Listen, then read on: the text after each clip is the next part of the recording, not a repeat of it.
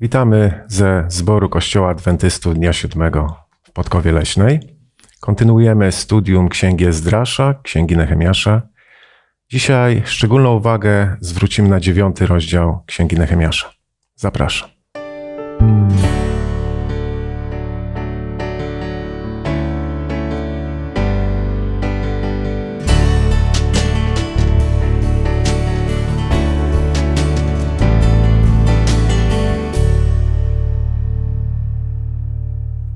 Moimi gośćmi, którzy wezmą udział w dzisiejszym studium są Beata, Dawid, Mariusz. Ja mam na imię Grzegorz. Oczywiście wierzymy, że wśród nas jest wielki, wszechmocny, inspirujący Bóg i chcemy podziękować za Jego obecność i prosić o Jego inspirację przy naszym studium. Bardzo proszę o modlitwę. Panie Boże Ojcze, chcielibyśmy Cię zaprosić na to dzisiejsze studium, prosić o Twoją obecność, o Twojego Ducha Świętego, abyś Ty poprowadził je i abyśmy mogli wyciągać dobre myśli, nauczyć się dużo z tych lekcji, żeby to było również ku zbudowaniu słuchającym innym ludziom. Proszę o to, Panie Boże, bądź z nami i poprowadź w imieniu Pana Jezusa. Amen. Amen.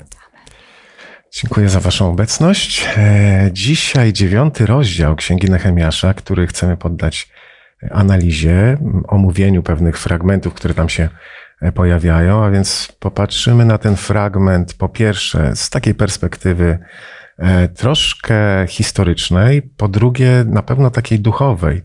E, Chciałbym, żebyśmy też poszukali takich e, praktycznych konotacji na dzień dzisiejszy, co ewentualnie moglibyśmy dzisiaj, stosując w naszym chodzeniu z Panem Bogiem, zastosować, jakie wnioski możemy wyciągnąć z tych e, historii.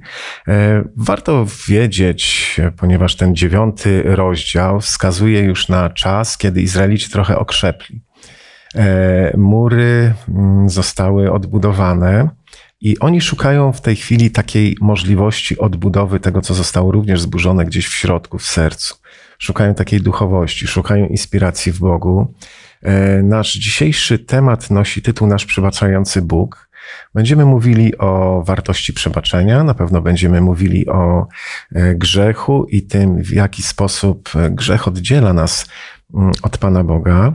E, Warto również wiedzieć, że minęło święto Sukot, czy też święto namiotów, kuczek, które przypadało mniej więcej między 15 a 20 dniem, 21 dniem miesiąca Tishrei, e, czyli październik naszego, naszego kalendarza.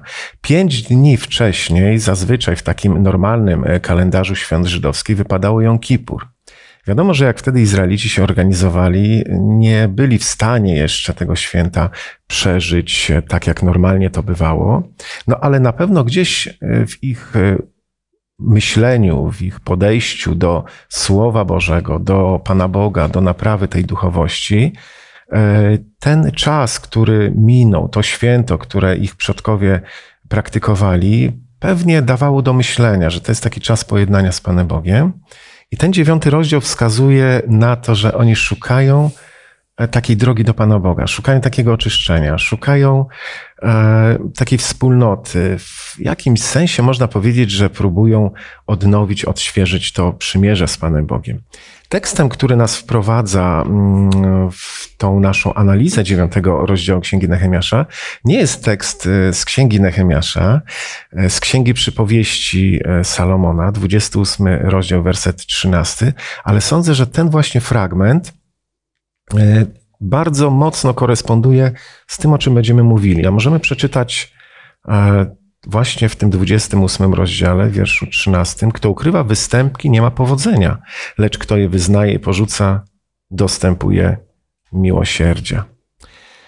Na bazie tego fragmentu chciałbym, abyśmy tak wchodząc w ten dziewiąty rozdział Księgi Nehemiasza, troszkę powiedzieli właśnie, czym jest wyznawanie występków, czy też grzechów, co to znaczy porzucić grzech. Jak to wygląda w waszym, w waszym rozumieniu? Bo który fragment Pisma Świętego nie otworzylibyśmy, jeśli jest nawiązanie do grzechu, do wielkiego Boga, łaskawego Boga, jest myśl o potrzebie wyznawania tych występków. Co to znaczy wyznać występek, porzucić grzech? E, dla mnie wyznanie grzechu to jest szukanie pojednania z Bogiem, mm, do właśnie takich dobrych relacji z Bogiem, do tego, żeby on być pojednanym. E, mi się wydaje, że Bóg e, działa na, na wszystkich, na pewno Bóg działa na wszystkich ludzi na tej ziemi i przez Ducha Świętego prowadzi do takiego zastanowienia się nad życiem, do, do refleksji czy do przekon przekonania o grzechu. I wtedy człowiek jakby mm, szuka, widzi, że jest w takim stanie grzesznym i szuka przebaczenia u Boga. A Bóg ma na celu zbawić człowieka i to przebaczenie prowadzi do pojednania, do życia w wierze z Bogiem, w Bogu i w konsekwencji później, jak przez całe życie się jest wiernym do życia w wieczności z Bogiem. Mhm. Dziękuję bardzo. Myślę, że to wszystko się wiąże z naszym ostatnim rozważaniem, kiedy był rozważany ósmy rozdział Księgi Nehemiasza. Tam w zasadzie jest początek tego, co dzisiaj mówimy. E, zaczęło się od wspólnego czytania Słowa Bożego, od prawa. E, zrobiono z tego uroczystość. W ogóle ja tak jak czytam, to pewnie jakiś plan tego był, ale skutki tego, co miało przyjść, chyba nie były przewidziane jest powiedziane, że ludzie się do tego dobrze przygotowali, bo było czytane prawo. Byli lewici, którzy to prawo wykładali. E, były wiele, wiele godzin dziennie czytano prawo. Były przerwy na to, żeby lud mógł zrozumieć. Było wykładanie. Ludzie słuchali, czytamy tam z jakimś wielkim skupieniem, z zainteresowaniem, a efekt tego był taki, że ludzie zaczęli płakać. Zaczęli po prostu czuć wielki ból gdzieś w swoim sercu, bo zrozumieli, zrozumieli właśnie, co oni, co, jego, co ich przodkowie zrobili Panu Bogu. E, no i, i w sumie swojemu narodowi również. E, to tak nawiązując do Ciebie, bo mówiłeś o tym, że Duch Święty działa. Ta, tak, to jest prawda. Ale tutaj widzimy, że Bóg niesamowicie działa poprzez zrozumienie Bożego Słowa. Kiedy do ludzi dociera ta historia o Bogu i o tym, jak ludzie z Nim prowadzili te relacje, ludzie wpadają w rozpacz. Oczywiście gdzieś tam Nehemiasz próbuje wtedy mówić, słuchajcie, uspokójcie się, to jest czas radości, to jest czas święta, nie płaczcie, ale to, że rozważamy dzisiaj e, fakty opisane w dziewiątym rozdziale, pokazuje, że tamto przeżywanie e, przebaczenia nie było dokończone. Mhm. To, że człowiek wpadnie w taki przygnębiający nastrój, to, że zrozumie, że jest grzesznikiem, to jest jedno. Natomiast co z tym zrobi, i dlatego czytamy, że kiedy przyszedł 24 dzień tego siódmego miesiąca, znowu ludzie w poście, w modlitwie stanęli i znowu zaczęli wiele godzin dziennie czytać Słowo Boże. No i wyniknęło z tego dużo, dużo praktycznych rzeczy, właśnie związanych z przebaczeniem, które chyba stało się czymś takim prawdziwym. To przebaczenie było dogłębne, takie. Mnie te rozdziały po prostu poruszały od zawsze. Jak czytam je za każdym razem, to myślę sobie, aż tak, naprawdę, aż tak można przeżywać ten kontakt z Bogiem poprzez Słowo i, i przez Ducha Świętego. Mhm. Tak długie czytanie mogło mieć znaczenie na sam proces wyznawania grzechów. Y, prośba y, o wybaczenie często może sprowadzać się do powiedzenia Boże, wybacz. I nie chcę powiedzieć, że jest w tym coś złego, ale mm, myśląc, myśląc o odpuszczeniu grzechu, często zapominamy o darze wyznawania. Konkretnie nazwać grzech po imieniu. I tutaj w tym y, tekście, który czytaliśmy z przypowieści, kto wyznaje, czyli konkretnie nazywa grzech i porzuca, dostępuje miłosierdzie. Wyznanie i taka otwartość na Boga są to, co już powiedzieliśmy, istotnym elementem działania Ducha Świętego na serce każdego człowieka. To wyznanie daje nam możliwość otworzenia się na Boże miłosierdzie, na zrozumienie tego, kim jest Bóg i że to przebaczenie jest dla wszystkich, dla, dla mnie i również dla mojego y, otoczenia. Natomiast kto ukrywa występki, nie wyznaje, nie wyznaje grzechu, nie ma tej potrzeby, no nie ma powodzenia, nie ma radości, nie ma spokoju, nie ma tej błogości, która może być związana z bliską relacją z Bogiem. Mhm. W ogóle myślę, wiecie, że kiedy mówimy o przebaczeniu, to nie jest to nic y, oczywistego. Powiem wręcz przeciwnie. Chrześcijanie to ludzie już naprawdę wyedukowani. My potrafimy powiedzieć, jak nazywa się grzech w Starym, w Nowym Testamencie, jak powinno się wyznawać, jakie są kroki do Boga. My wszystko wiemy. Pytanie tylko, czy wyznajemy grzechy, jest otwarte.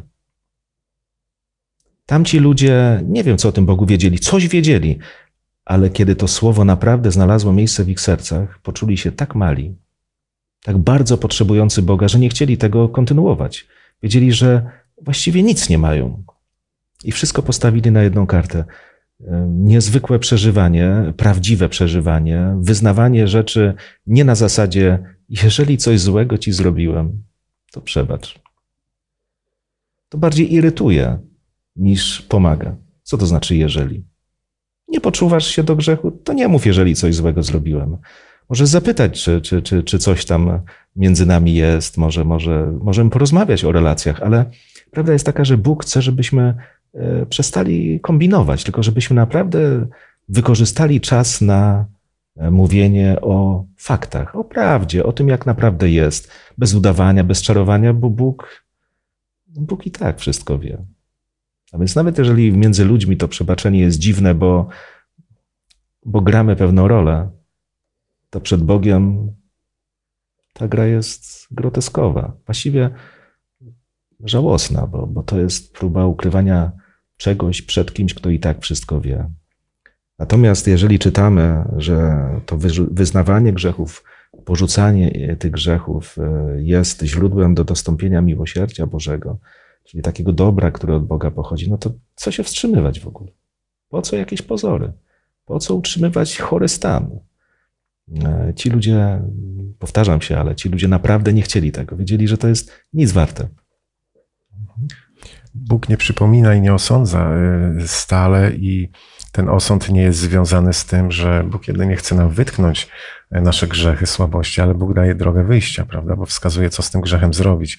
I to jest istota. I y, ta konfrontacja, o której powiedzieliście, usłyszałem takie stwierdzenie, że no, większość więzień jest y, zapełniona niewinnymi ludźmi, w ich opinii, w opinii tych ludzi. Oni są niewinni, prawda? Trafili tam w niezasłużony sposób.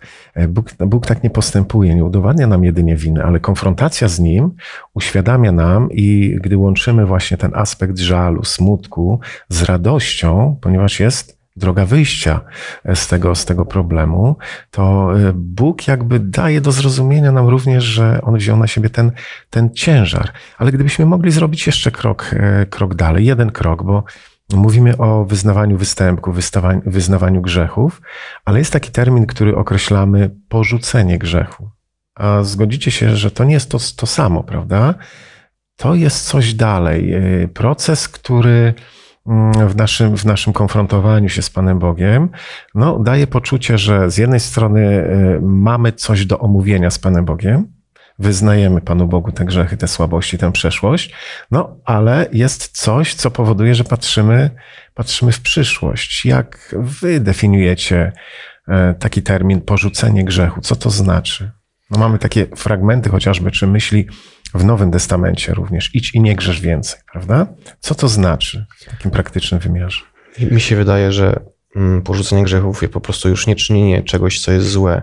Aczkolwiek jest, mm, powiem szczerze, że jest to dosyć trudne, chociaż to też zależy od jakiego, od rodzaju grzechu, bo są na przykład takie grzechy jak e, narkotyki czy alkohol, które są nałogami aż i to jest dosyć trudne do tego, żeby z tym zakończyć, ale e, z własnego doświadczenia wiem, że Bóg jest bardzo mądry i wie, jak e, pomóc człowiekowi taki grzech porzucić. Dla każdego ma jakąś drogę, jeżeli tylko ten człowiek chce to porzucić moc, pomoc y, y, w różny sposób. Także nie jest to łatwa droga, ale jest to możliwe dzięki Bogu. Czy to znaczy, że już nigdy nie zgrzeszymy? Nie, nie, no zdarzają się upadki, ale to jest jakby proces, który y, powoduje, że człowiek jakby patrząc na Boga idzie do góry i coraz mniej myśli o tym, żeby, nie wiem, popełniać jakiś grzech, bo nie chce. Mhm. Walczymy o relacje z Panem Bogiem, prawda? E, Walczymy o tę społeczność z Nim i nawet jak, jak upadniemy, no, no, szukamy znowu Boga, wracamy do Niego. To jest, to jest ten właśnie, to jest ten właśnie proces. Każdy popełniony grzech y, niesie za sobą konsekwencje.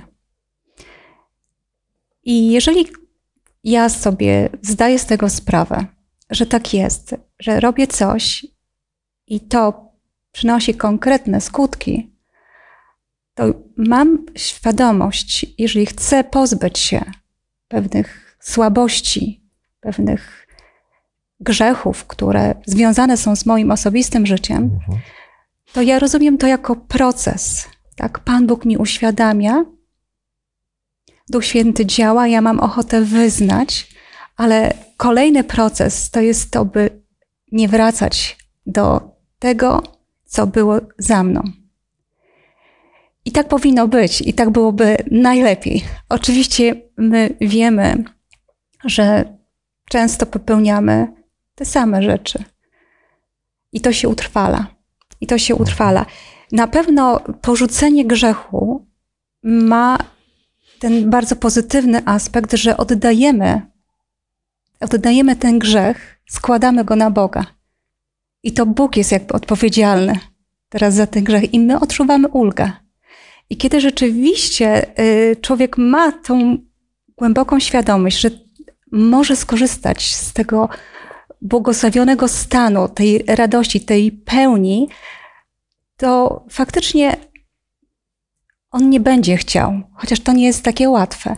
Wydaje mi się, że tylko w momencie, kiedy jesteśmy mocno powiązani z Chrystusem, mamy tą nieustanną relację z Nim i to też nieustanne wyznawanie grzechu, to wtedy jest łatwiej. My nawet może nie koncentrujemy się głównie na tym, żeby być tacy bardzo ostrożni. Po prostu nasze życie będzie autentycznym życiem z Chrystusem i nawet nie będziemy może specjalnie kontrolować się, czy jak grzeszy, czy nie.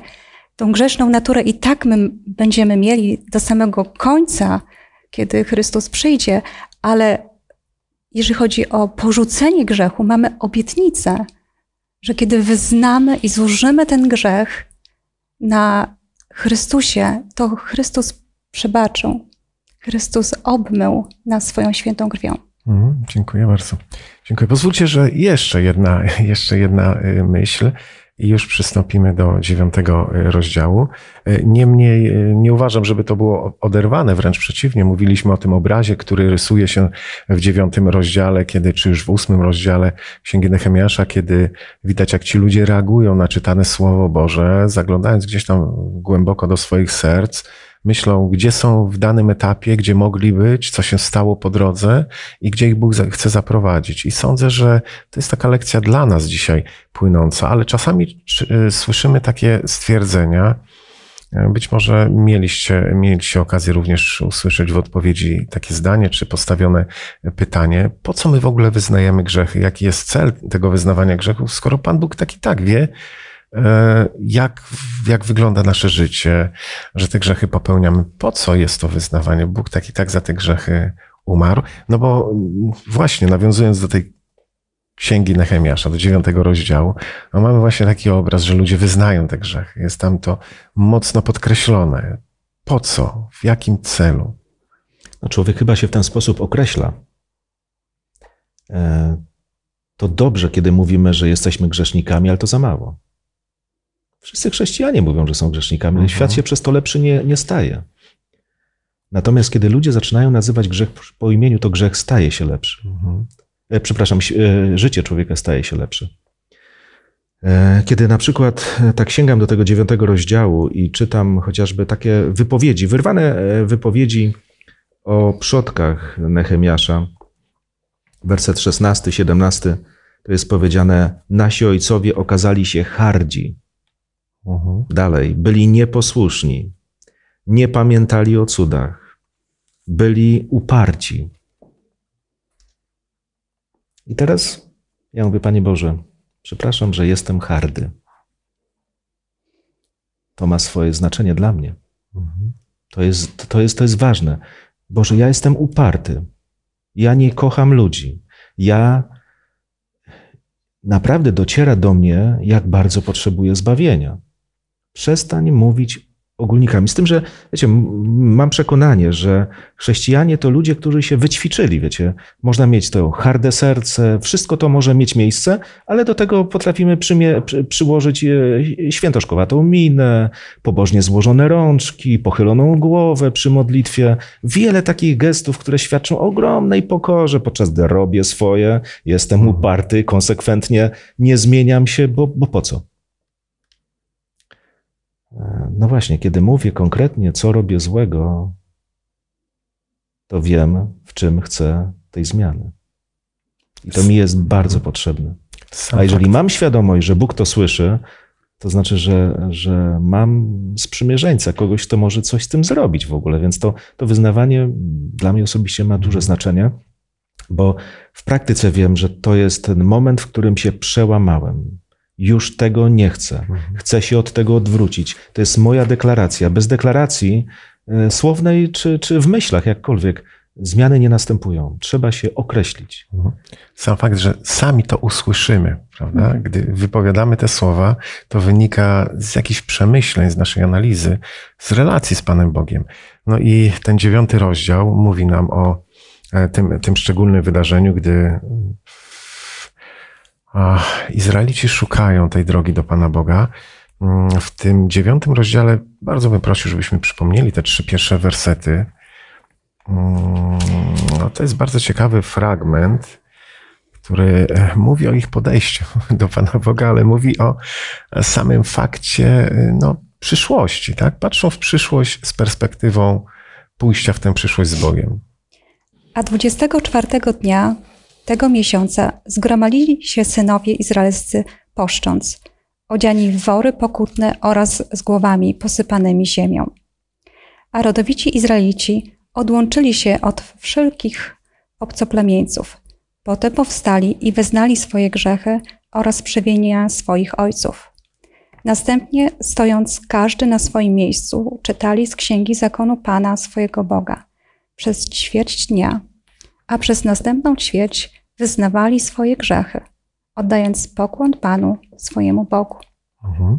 Tu jest mowa o modlitwie, o wyznawaniu grzechów, o tym, że stali przez większą część dnia, czytali Słowo Boże, a szukali odpowiedzi w swoim sercu. No i pojawia się ten żal, smutek, e, przetkana, przetkane te nastawienia, emocje radością czasami. E, No i, no i szukają, szukają Boga, czekają, e, czekają e, na, na tą chwilę, kiedy, no wiadomo, nic spektakularnego może się nie stanie, tak? Ale, ale kiedy no, odejdą z tego miejsca ze świadomością, że są tacy spokojniejsi, bo Bogu powierzyli te swoje troski i żale. Jest tu wzmianka na temat e, postu. W jaki sposób ten post wpisuje się właśnie w takie nastawienie? Szukanie Boga, modlitwa, wyznawanie grzechów. Gdybyśmy zdanie, dwa powiedzieli, czym jest taki prawdziwy, prawdziwy post w waszym rozumieniu? Pościcie na pewno też, prawda? Kiedy, kiedy czytamy księgę Nehemiasza, to widzimy, że oni wyrażali pewną skruchę, wyrażali e, tą swoją potrzebę związku z Bogiem e, w sposób, jaki wtedy ludzie praktykowali. Czytamy o włosiennicach, które na siebie zakładali, czytamy o tym, że posypywali się popiołem. No, dzisiaj tego nie robimy. Nie chcę powiedzieć, że powinniśmy, bo to są tylko zewnętrzne wyrazy, ale są jakieś zewnętrzne wyrazy tego, że szukam Pana Boga. To widać. Widać, kiedy jestem, no nie wiem, wyciszony, kiedy mam czas na przemyślenie, kiedy jestem zasmucony, być może właśnie tym swoim stanem, w jakim jestem.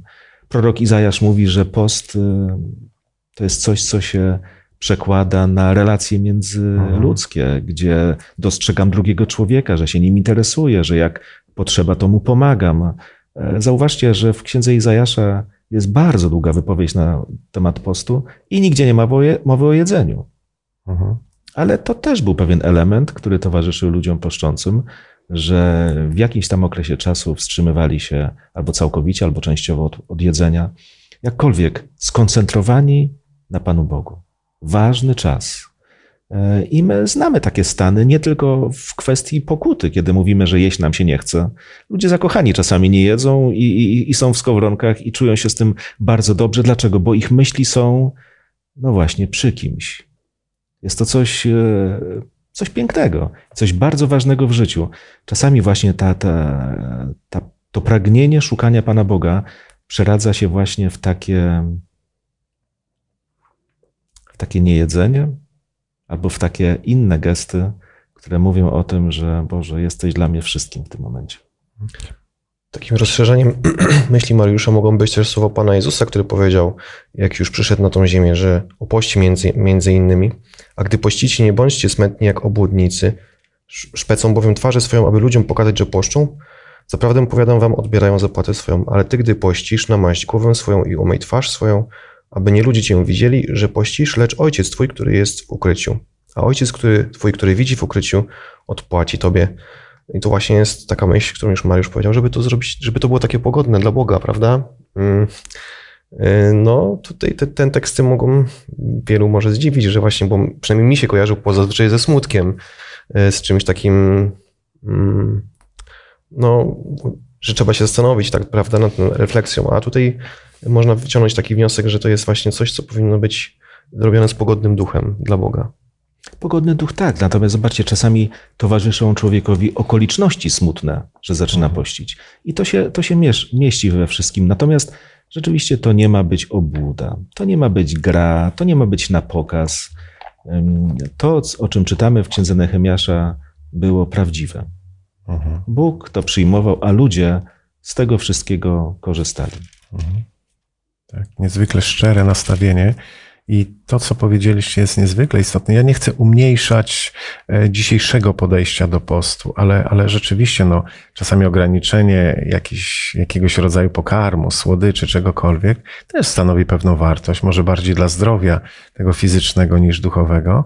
Ale rzeczywiście taki wymiar, wymiar postu związany z relacjami, z naprawieniem tych relacji, on miał istotne znaczenie. Widzimy to w księdze Nehemiasza, tutaj szczególnie 58 rozdział księgi Izajasza, ten wywołany mm. przez y, Dawida, Dawida fragment, gdzie mowa o relacjach, żeby z takim dobrym nastawieniem podchodzić do postu, bo on ma pewien wymiar, taki naprawczy również moich relacji z Bogiem, moich relacji y, z bliźnim.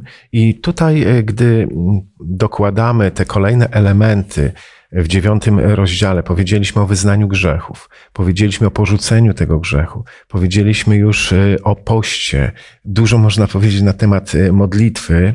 E, I gdy mówimy o modlitwie, bardzo bym prosił o przeczytanie fragmentu z dziewiątego rozdziału od czwartego po ósmy, ponieważ to jest kolejny element tego powrotu do Pana Boga, tego nawrócenia. Potem na stopniu przeznaczonym dla Lewitów stanęli Jeszua, Bani, Kadmiel, Szybaniasz, Buni, Szerebiasz, Bani i Kenani i wołali donośnym głosem do Pana Boga, swoje, do, do Pana swojego Boga. Lewici zaś Jeszua i Kadmiel, Bani, Haszab, Nejasz, Szerebiasz, Chodiasz, Szybaniasz, Petachiasz rzekli Powstańcie, błogosławcie Pana waszego Boga od, od wieków aż na wieki i błogosławili chwalebne imię tego, który jest wzniosły ponad wszelkie błogosławieństwo i uwielbienie, mówiąc Ty jedynie jesteś Panem, Ty stworzyłeś niebiosa, niebiosa niebios i cały ich zastęp, ziemię i wszystko, co jest na niej, morza i wszystko, co jest w nich. Ty też wszystko to utrzymujesz przy życiu, a zastęp niebieski oddaje Ci pokłon. Ty, Panie, jesteś tym Bogiem, który wybrał Abrama i wywiodłeś go z Ur Chaldejskiego i nadałeś mu imię Abraham a gdy stwierdziłeś, że serce jego jest ci wierne, zawarłeś z nim przymierze, że ziemię Kananejczyka, Hetejczyka, Amorejczyka, Peryzejczyka, Jebuzejczyka, Girgazejczyka dasz jego potomstwu i dotrzymałeś swojego słowa, bo jesteś sprawiedliwy. Bardzo dziękuję. W tej modlitwie, zresztą jak w wielu innych modlitwach zapisanych w Piśmie Świętym, widzimy przede wszystkim na początku uwielbienie Boga. Uwielbienie Pana Boga. Jest to tutaj taki zwrot, który pojawia się bardzo często w psalmach, w pieśniach, w innych fragmentach. Błogosławcie Pana. Co to oznacza? Błogosławcie Pana. Co to znaczy, że błogosławi się własne dzieci, kiedy one zakładają swoje, swoją rodzinę? Uroczysta chwila, prawda? Padają wyjątkowe słowa, przekazujemy, nie wiem, życzenia. Jesteśmy związani i przekazujemy sobie naprawdę najlepsze intencje, najlepsze życzenia. Jesteśmy po prostu dla siebie, jesteśmy połączeni. Bóg jest w moich myślach. Chcę, nie wiem, nawet jakimi słowami, ale powiedzieć o nim jak najlepiej, uczcić go jak najlepiej, postawić go na tym pierwszym miejscu. No jest po prostu osobą, przy, których, przy którym są, są moje myśli i, no i zabiegam, żeby to wszystko było naj, naj, najlepsze, bo on jest godny czci. Zobaczcie, tutaj w tym fragmencie czytamy, że ludzie, którzy owszem są poruszeni własnymi grzechami, przede wszystkim w modlitwie mają zobaczyć, jakiego to Boga mają. To jest ten Bóg, który stworzył świat, który ustanowił i utrzymuje porządek na tym świecie. To jest Bóg z ich perspektywy, który powołał ich naród. Abrahama, od którego pochodzi to wszystko, z, z kim zawarł przymierze. A więc to jest Bóg, który daje, daje i jeszcze raz daje i dobrze nam życzy. Poprzez wszystko, poprzez stworzenie czy przez powołanie tego narodu, Bóg nam dobrze życzy. I od tego się zaczyna. Ludzie mają wiedzieć, e, co jest powodem, że błogosławią tego Pana. Mhm. Powodów nie zabraknie. Naprawdę nie zabraknie. Wydaje mi się, że czasami kierujemy się takim wrażeniem, że Pan Bóg jest wszechmocny, posiada wszystko, więc po co błogosławić Pana Boga? Ale gdy czytam e, lekturę Pisma Świętego, różne fragmenty Słowa Bożego, no, wiele modlitw właśnie zawiera ten zwrot i przynajmniej od kilku, kilku lat e, właśnie w modlitwie zawieram to błogosławieństwo, bo wydaje mi się, że to jest istotne.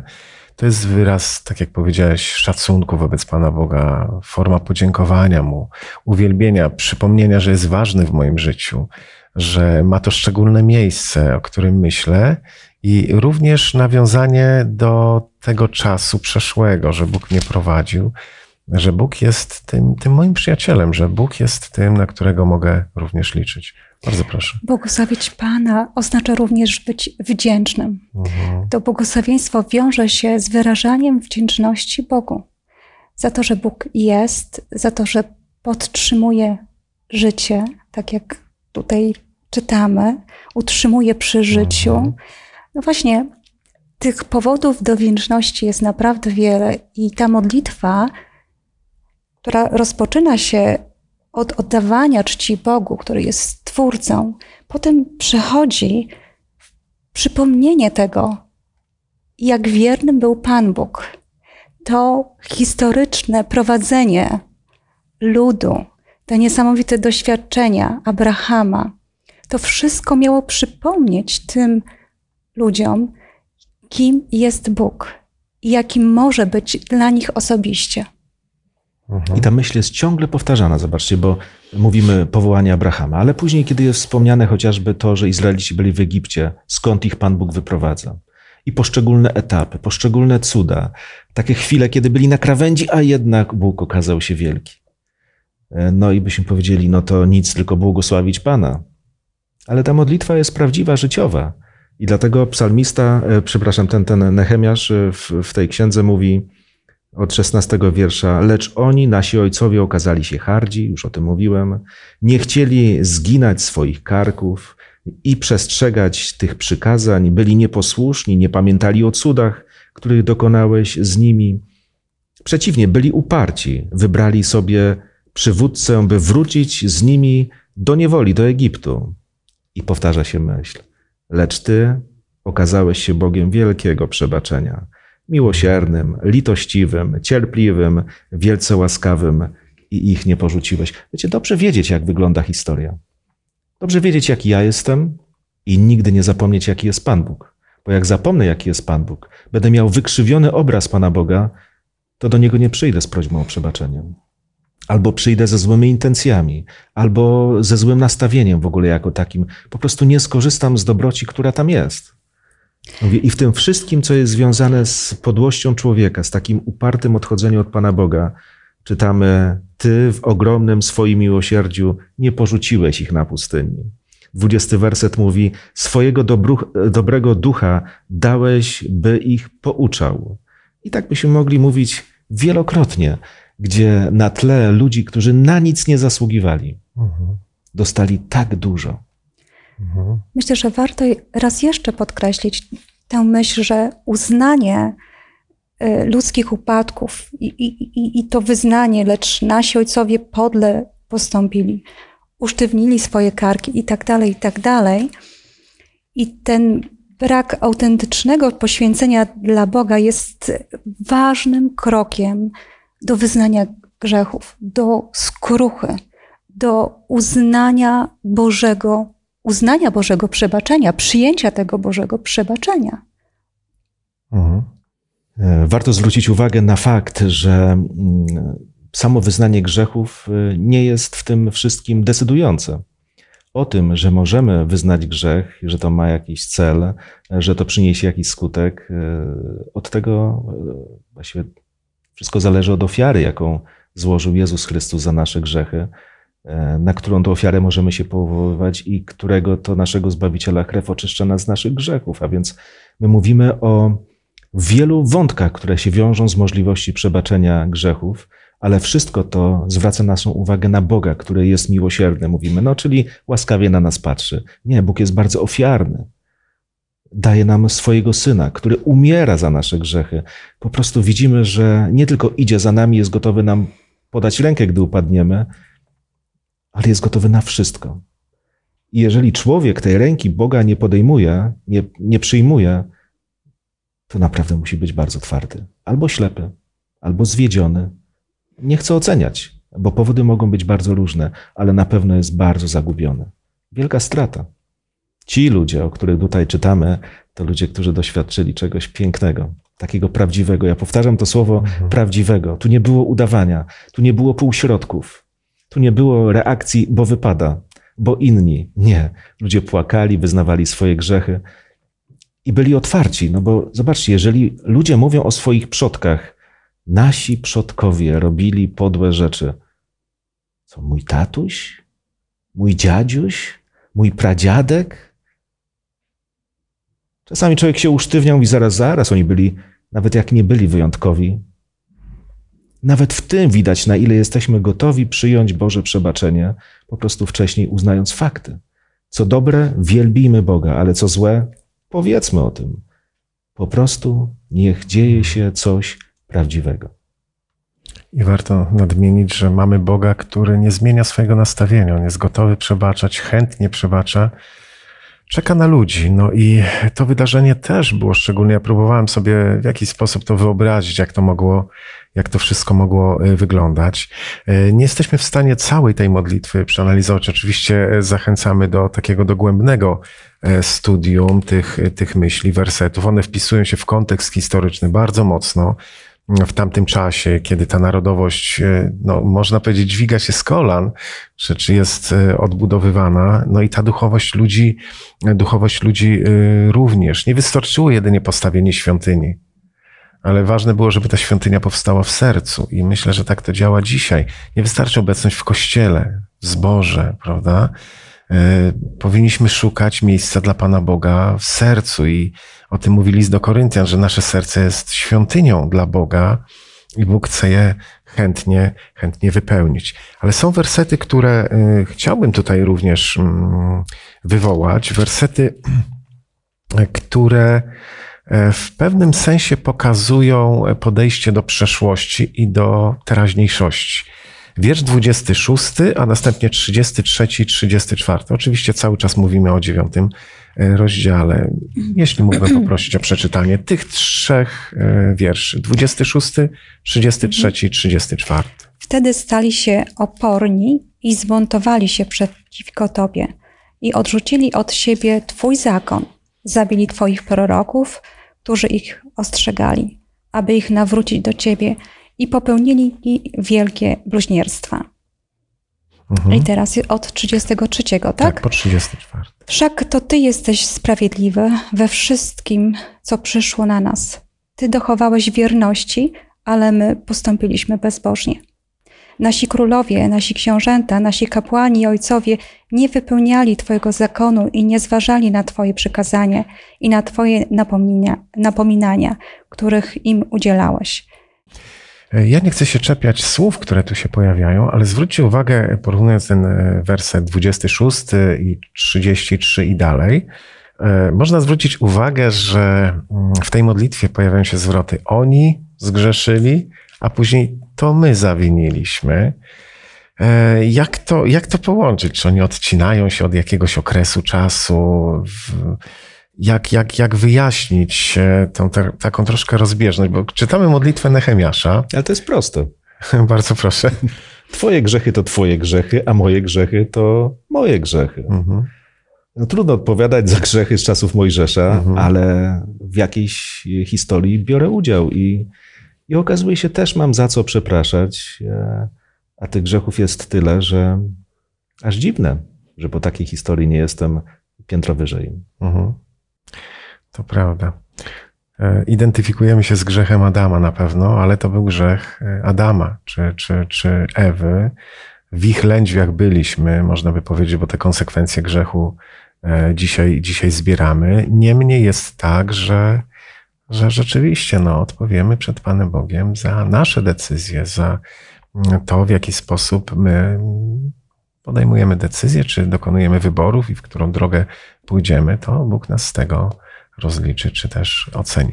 Chciałbym, żebyśmy kończąc, bo już nie mamy, nie mamy czasu, aby głębiej wejść w te zagadnienia, przeczytali dwa fragmenty. Jeden ze Starego Testamentu, a drugi z Nowego Testamentu i poproszę Was o pomoc. Księga Przypowieści Salomona, 28 rozdział, werset 9 i Ewangelia według świętego Mateusza, 5 rozdział, e, wersety 23-24. U tego, kto odwraca ucho, aby nie słyszał nauki, nawet modlitwa jest ohydą. Jeśli byś więc składał dar swój na ołtarzu i tam wspomniałbyś, iż brat twój ma coś przeciwko tobie, zostaw tam dar swój na ołtarzu, odejdź i najpierw pojednaj się z bratem swoim, a potem przyszedłszy złóż dar swój. Bardzo dziękuję. Łącząc te dwa fragmenty Pisma Świętego i nakładając na dziewiąty rozdział Księgi Nehemiasza, jak byście to skomentowali? Jeżeli mogę ja, to Proszę bardzo. powiem w taki sposób. Ci ludzie przyszli na święto, ale święto nie było tylko wspominaniem dawnych czasów. Bo święta były w jakiś sposób przypomnieniem tego, co było kiedyś, prawda? Święto namiotów możemy wspominać, jak to Izraelici wędrowali i mieszkali w namiotach. Mhm. Było pięknie, było duchowo. Och, wzruszenie, wspomnienia mogą naprawdę nie mieć końca. Ale to wszystko ich doprowadziło do tego, że ich życie po prostu się zmieniło. To jest, to jest właśnie coś niesamowitego, że historie biblijne mają swoje bardzo silne przełożenie na naszą współczesność, na moje życie. Wspominam wieczerzę pańską, Pana Jezusa. Sięgam po chleb i wino. No po co? Żeby sobie przypomnieć, jak to było kiedyś? Też. Ale jeżeli ta krew Jezusa Chrystusa nie oczyszcza mnie z moich grzechów, to nie ma to większego znaczenia. A Bóg chce, żeby wspominanie przeszłości miało znaczenie, żeby te wszystkie rzeczy działały na mnie w taki sposób, że będę bliżej Boga, że będę miał coś z Nim prawdziwego do przeżywania. Mhm. To jest istotne. To czyste serce, prawda? Po co przychodzimy do Pana Boga? Bez takiej obłudy, bez, bez e, jakichś myśli gotowych na temat przyszłości, tego, do czego Pan Bóg nie jest potrzebny, ale z taką czystością serca, otwartością. Dziękuję za te myśli, którymi się podzieliliście, za naszą dyskusję. E, zakończymy nasze rozważanie studium modlitwą. Bardzo proszę. Cudowny Boże, Panie nasz, Stwórcą nieba i ziemi, pragniemy podziękować za to studium, za historię ludu Twojego, za to, że każdy miał potrzebę zrozumienia, czym jest grzech. Każdy wyznał i również skruszył swoje serce przed Tobą. Bardzo dziękujemy za to, że jesteś Bogiem, który przebacza każdą winę, że jesteś Bogiem, który odpuszcza przestępstwo i który również nie chowa na wieki gniewu lecz ma upodobanie w łasce. Dziękujemy za doświadczenie przebaczenia i chcemy prosić Boże o to, byśmy tak naturalnie, szczerze, zawsze przychodzili do siebie z wyznaniem naszych win i porzucali je, by dostąpić tego niesamowitego uczucia miłosierdzia i radości. Dziękuję za to. W drogim imieniu Jezus. Amen. Amen.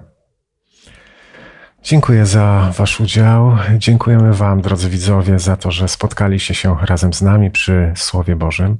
Niech Pan Bóg Was szczególnie błogosławi, inspiruje i da zwycięstwo, bo w nim jest to prawdziwe zwycięstwo nad grzechem. Kończąc, chciałbym Was zostawić e, z myślami z pierwszego listu świętego apostoła Jana, który z jednej strony zachęca do trwania w Bogu, z drugiej strony mówi o naszych słabościach czasami, które się pojawiają i o tym, że mamy naprawdę dobrego Boga, który jest wierny w tym, co czyni. Drogie dzieci, pisze o tym, abyście nie popełniali grzechu. A jeśli by ktoś zgrzeszył, mamy opiekuna u Ojca. Jezusa Chrystusa Sprawiedliwego. On jest przebłaganiem za nasze grzechy, lecz nie tylko za nasze, również za grzechy całego świata. Niech Pan Bóg Was błogosławi i da wytrwałość w tej drodze z Bogiem przez życie. Zapraszamy na kolejne studium. Do zobaczenia.